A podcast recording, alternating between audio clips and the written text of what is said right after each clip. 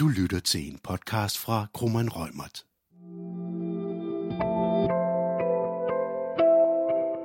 Denne podcast handler om statsstøtte og de mange spørgsmål, der er forbundet med håndtering af statsstøtte. Mit navn er Bart Greve. Jeg er belgisk og dansk advokat og partner hos Kroman Rømert med special i konkurrenceret og statsstøtteret. Med i studiet i dag er mine kolleger Sonny og Michael. Ja, jeg hedder Sonny Gårdslev. Jeg er advokat og har speciale i konkurrenceret og statsstøtteret. Jeg hedder Michael Herbing. Jeg er advokat med speciale i statsstøtteret og udbudsret, og derudover er jeg tidligere phd studerende ved Københavns Universitet.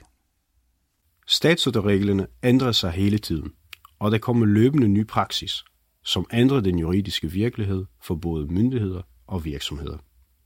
I den her podcast highlighter vi, hvad du særligt skal være opmærksom på, og vi giver vores konkrete anbefalinger til håndtering af statsstøtteretlige problemstillinger.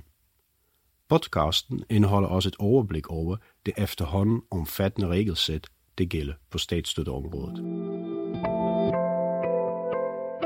Først må vi sige, at statsstøtteret er en langt større del af dagligdagen for mange virksomheder og offentlige myndigheder, end man måske umiddelbart skulle tro. Statsstøttesagen kan være alt lige fra store milliardsager om for eksempel finansiering af Øresundsbroen, alle de store skattesager, der har involveret Apple og Amazon, det er helt ganske små sager, som for eksempel den lokale svømmehals salg af badetøj. Statsstøtte kan tage mange former og kan påvirke virksomheder på mange måder. Sonny, lad os starte med overordnet at beskrive statsstøttereglerne. Ja, i Danmark har vi to regelsæt for statsstøtte. Først så har vi de danske regler. De står i konkurrenceloven, mere specifikt i kapitel 3a, paragraf 11a til c. Og så har vi EU-reglerne. Dem finder vi i det, der hedder Traktaten om den europæiske unions funktionsmåde, ofte forkortet som TØF til EUF, og der står de i artikel 107 til 109. I forlængelse af de her EU-regler, så er der udstedt en, en hel række af regulativer og softlov, som også regulerer statsstøtteområdet. Spørgsmålet om, hvilke regler man så skal anvende, om det er de danske eller de europæiske, det afgøres af, hvorvidt den støtteforanstaltning, man kigger på, har det, vi kalder for samhandelspåvirkning. Hvis det er tilfældet, jamen, så anvender man EU-reglerne, og ellers jamen, så anvender man de danske regler. Samhandelspåvirkning det er ikke et spørgsmål om, hvor støtten den ydes, men på hvor bredt et marked den kan tænke sig at have en indvirkning på. Ja, og statsstøtteretten er også karakteriseret ved en høj grad af sektorspecifik regulering. Det betyder, at hvad der gælder for en sektor, gælder ikke nødvendigvis for en anden.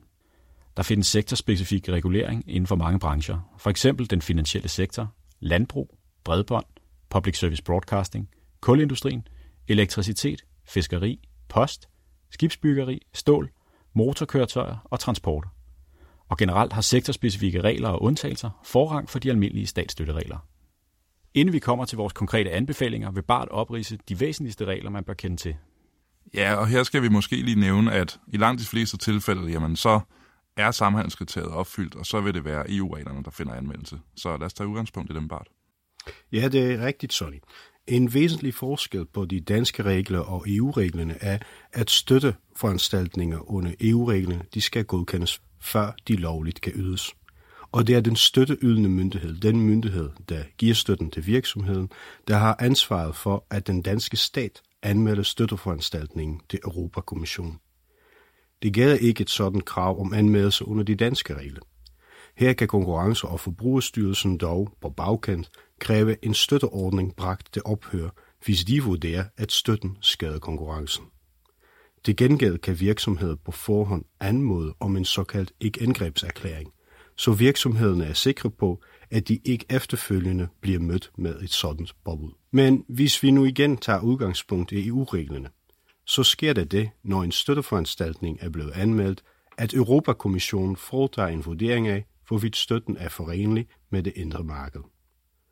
Forenlighedsvurdering er helt central for statsstøtteretten, da det er den vurdering, der afgør, om Europakommissionen godkender støtten eller ej.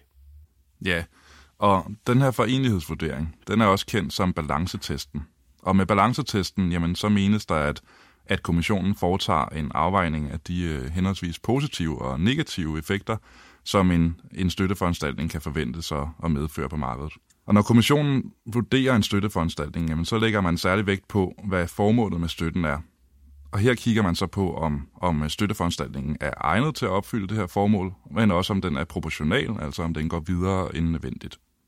Det er centralt, at, at støtte tillades, hvis støtten tjener til at afhjælpe det, man kalder et markedssvigt. Det betyder, at støtten den skal have tilskyndelsesvirkning, altså den skal tilskynde en privat operatør til at løbe et hul i markedet, kan man sige. Støtten skal være løsningen på et, et problem. Michael, hvad sker der så, hvis man yder støtte uden at få det godkendt først? Er det så nogle problemer for virksomheden, når det sker? Ja, hvis en myndighed giver støtte uden at anmelde og få det godkendt hos Europakommissionen først, er der tale om ulovlig statsstøtte. Og her skal man bemærke forskellen på termerne ulovlig statsstøtte, som er situationen, hvor støtte ydes uden fornyet anmeldelse og godkendelse, og uforenelig statsstøtte, som er støtte, der efter anmeldelse og vurdering ikke anses som forenelig med EU's indre marked. Selvom der faktisk er tale om væsentlige forskelle, bliver termerne ofte forvekslet i praksis og brugt i flæng. Hvis støtten er ydet uden at blive godkendt, skal den som udgangspunkt tilbagebetales. Det så man for nylig med Apple-sagen i Irland, hvor en skattefordel blev vurderet til at udgøre en ulovlig statsstøtte. Og støtte, der er for tidligt implementeret, altså det Michael siger her, hedder ulovlig statsstøtte, men så alligevel efterfølgende bliver godkendt, altså erklæret forenligt, det skal ikke tilbagebetales, men til gengæld skal man betale det, der kaldes ulovlighedsrenter, som er markedsrenter for den periode, hvor man havde ydet støtten tidligere, end, end man måtte. Hvis man implementerer støtte for tidligt, igen ulovlig statsstøtte, men man så heller ikke får det godkendt efterfølgende, altså at kommissionen erklærer støtten for uforenelig med markedet, jamen så skal man stadig betale de her markedsrenter, også renters rente, men samtidig skal man betale hele støtten tilbage. Og renterne beregnes så fra perioden, hvor man tildelte støtten, hvor man, hvor man ikke må gøre det, og så til, der kommer et tilbagebetalingskrav. Og de her renter særligt kan løbe op i meget høje beløb, som jo skal tillægges til, til støtteportionen, kan man sige, og derfor så kan det have, have store konsekvenser for en virksomhed at blive mødt med sådan et tilbagebetalingskrav.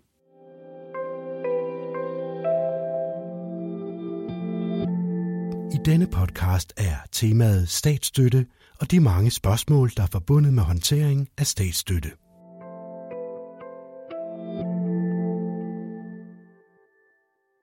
Nu har vi set på, hvordan det vurderes, om statsstøtte er forenlig eller ej, og hvilke konsekvenser det kan have, når statsstøtte ikke er blevet ordentligt anmeldt. Lad os nu træde et skridt tilbage og se på, hvornår et tiltag overhovedet udgør statsstøtte. Og her arbejder man med fire kriterier. Ja, det gør man. Og det første kriterie, det er, at støtten skal være tilregnelig til staten. Det betyder i praksis, at det skal være en offentlig myndighed, altså ikke kun staten, men også for eksempel kommuner eller regioner, som har besluttet sig for at yde støtten. Og så skal støtten være finansieret af statsmidler.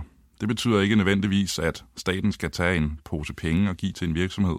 Man kan også yde støtte ved, at det offentlige for eksempel sælger en offentligt ejet ejendom for billigt til en privat virksomhed, eller i Apple-sagen, hvor, som Michael nævnte tidligere, øh, kommissionen har vurderet, at der er en virksomhed, der ikke har betalt det, den skulle i skat, og det har staten givet den lov til. Det betyder, at staten har givet den en skattefordel. Det er det, man kalder indirekte statsstøtte. Det andet kriterie, det går på, at støtten skal være selektiv. Det betyder, at den kun skal komme én udvalgt virksomhed til gode, og altså ikke for eksempel en branche generelt. Og så skal der være tale om, som sagt, en økonomisk fordel, og det kan være enten direkte eller indirekte i forhold til det, vi også talte om lige før. Det tredje kriterie, det går ud på, at støtten skal medføre, eller i hvert fald skal kunne medføre, en konkurrenceforvridning på markedet. Og så har vi så det fjerde kriterie. Det er lidt mere specielt. Det er nemlig kriteriet om samhandelspåvirkning, som vi allerede har talt om. Det finder kun anvendelse under EU-reglerne, og derfor betyder det som sagt, at i praksis vil det være det, det fjerde kriterie her, som er afgørende for, om det er de danske regler eller de europæiske regler, der skal anvendes. Men som sagt, så er det ofte opfyldt, og derfor ender man i EU-reglerne. Ja, det er rigtigt. Men der findes også undtagelser til statsstøttereglerne, hvor man har mulighed for at yde statsstøtte, men hvor man alligevel kan slippe for at søge godkendelse. Først har vi de minimisreglerne. Det er et regelsæt, der muliggør støtte under et vist niveau, uden forudgående anmeldelse. Derudover har vi gruppefritagelsen. Det er en form for forhåndsgodkendelse af støtte. Det betyder, at hvis en støtteforanstaltning opfylder gruppefritagelsens kriterier, ja, så skal der ikke ske en konkret godkendelse. Når undtagelserne finder anvendelse, kan man dog ikke helt se bort fra statsstøttereglerne. Der gælder nemlig nogle formalitetskrav, som vi dog ikke kommer nærmere ind på i den her podcast.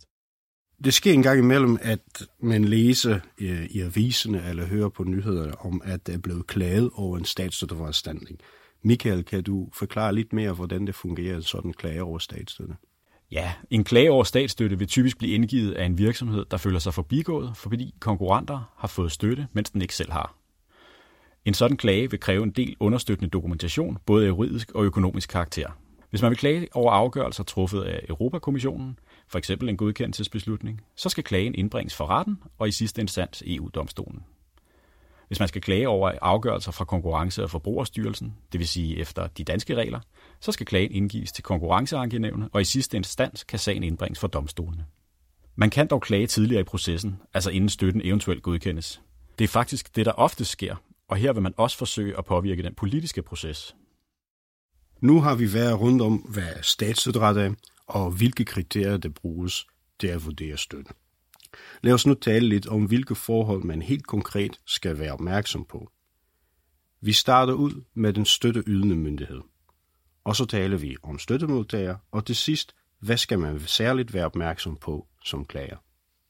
Lad os lægge ud med at kigge fra den støttede myndigheds perspektiv. Her er det vigtigt på et tidligt tidspunkt i processen, så tidligt som muligt, at få afklaret, om et eller andet tiltag, man har tænkt sig at foretage sig, reelt set udgør statsstøtte. Altså kigge på statsstøttekriterierne. Efterfølgende, hvis det er tilfældet, jamen, så skal man finde ud af, om der er anmeldelsespligt eller ej. Og hvis det er tilfældet, jamen, så bør man komme ud i en egentlig forenighedsvurdering, sådan så man finder ud af, om, om man kan forvente, at den her støtte bliver, bliver godkendt.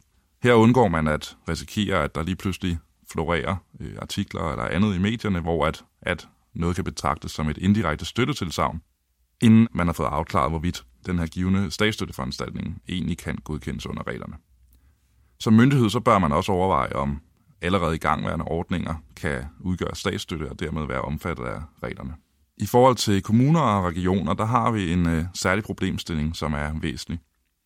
Efter de danske regler, så tilfalder et eventuelt tilbagebetalingskrav faktisk statskassen, og det gælder uanset hvilken kasse støtten er ydet fra. Det vil sige, at støtte, der er ydet af en kommune, hvis den støtte skal tilbagebetales, jamen så ender det ikke i kommunekassen igen, så ender det direkte i statskassen. Her kan man altså godt som kommune eller region få et, et modsætningsforhold til staten, som man måske ikke ellers ville have haft. Og den her tilbagebetalingsregel er faktisk indført netop for at skabe et incitament til, at kommuner og regioner får overvejet nøje, om en given støtteforanstaltning lovligt kan ydes eller ej.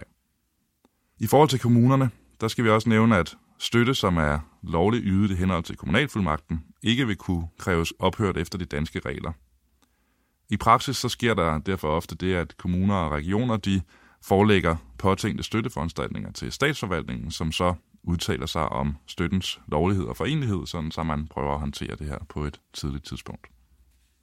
Når vi så kigger på støttemodtager i stedet for den støtteydende myndighed, så er det naturligvis sådan, at et tilbagebetalingskrav kan skade en virksomhed rigtig meget.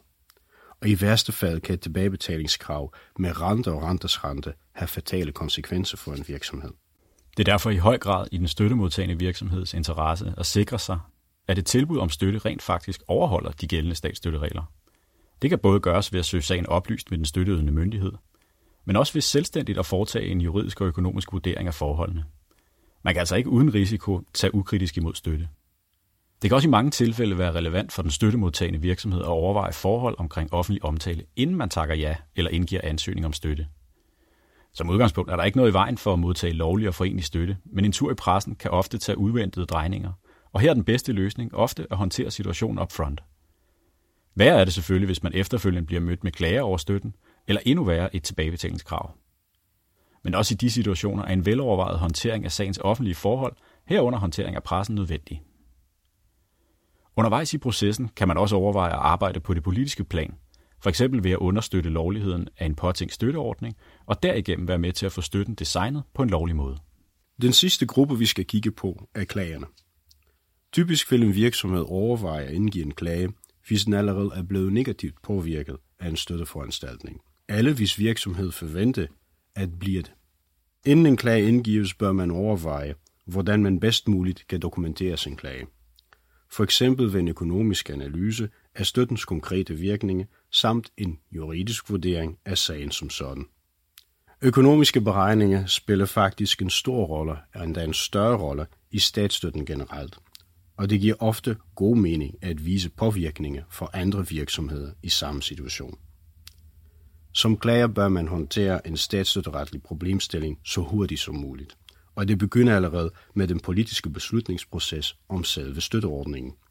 Hvor vi har faktisk set flere eksempler på, at statsstøtteretlige argumenter har kunnet påvirke, hvordan støtten i sidste ende blev udformet.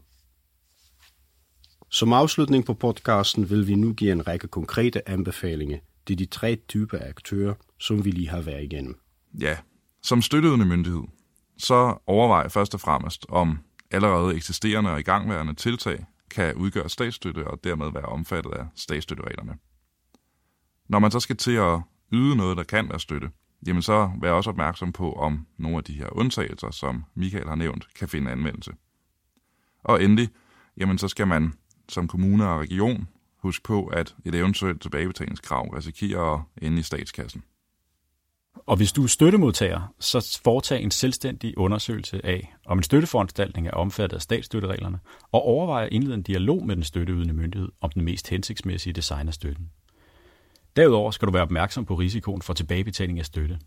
Du kan risikere at skulle gennemføre det planlagt projekt, selvom forudsætningen for støtte forsvinder. Og endelig overvej mediehåndtering i tilfælde af kritik i pressen. Ja, og er du klager, så skal du først og fremmest overveje, om det skal tages kontakt til en eller flere myndigheder om den pågældende støtteforanstaltning. Du skal også sørge for, at øh, du har en grundig dokumentation for støttens påvirkning af din egen og andres virksomheder, herunder økonomisk dokumentation, og overvej at anmode om agtindsigt. Og til sidst, vær opmærksom på, at en klagesag kan tage rigtig lang tid.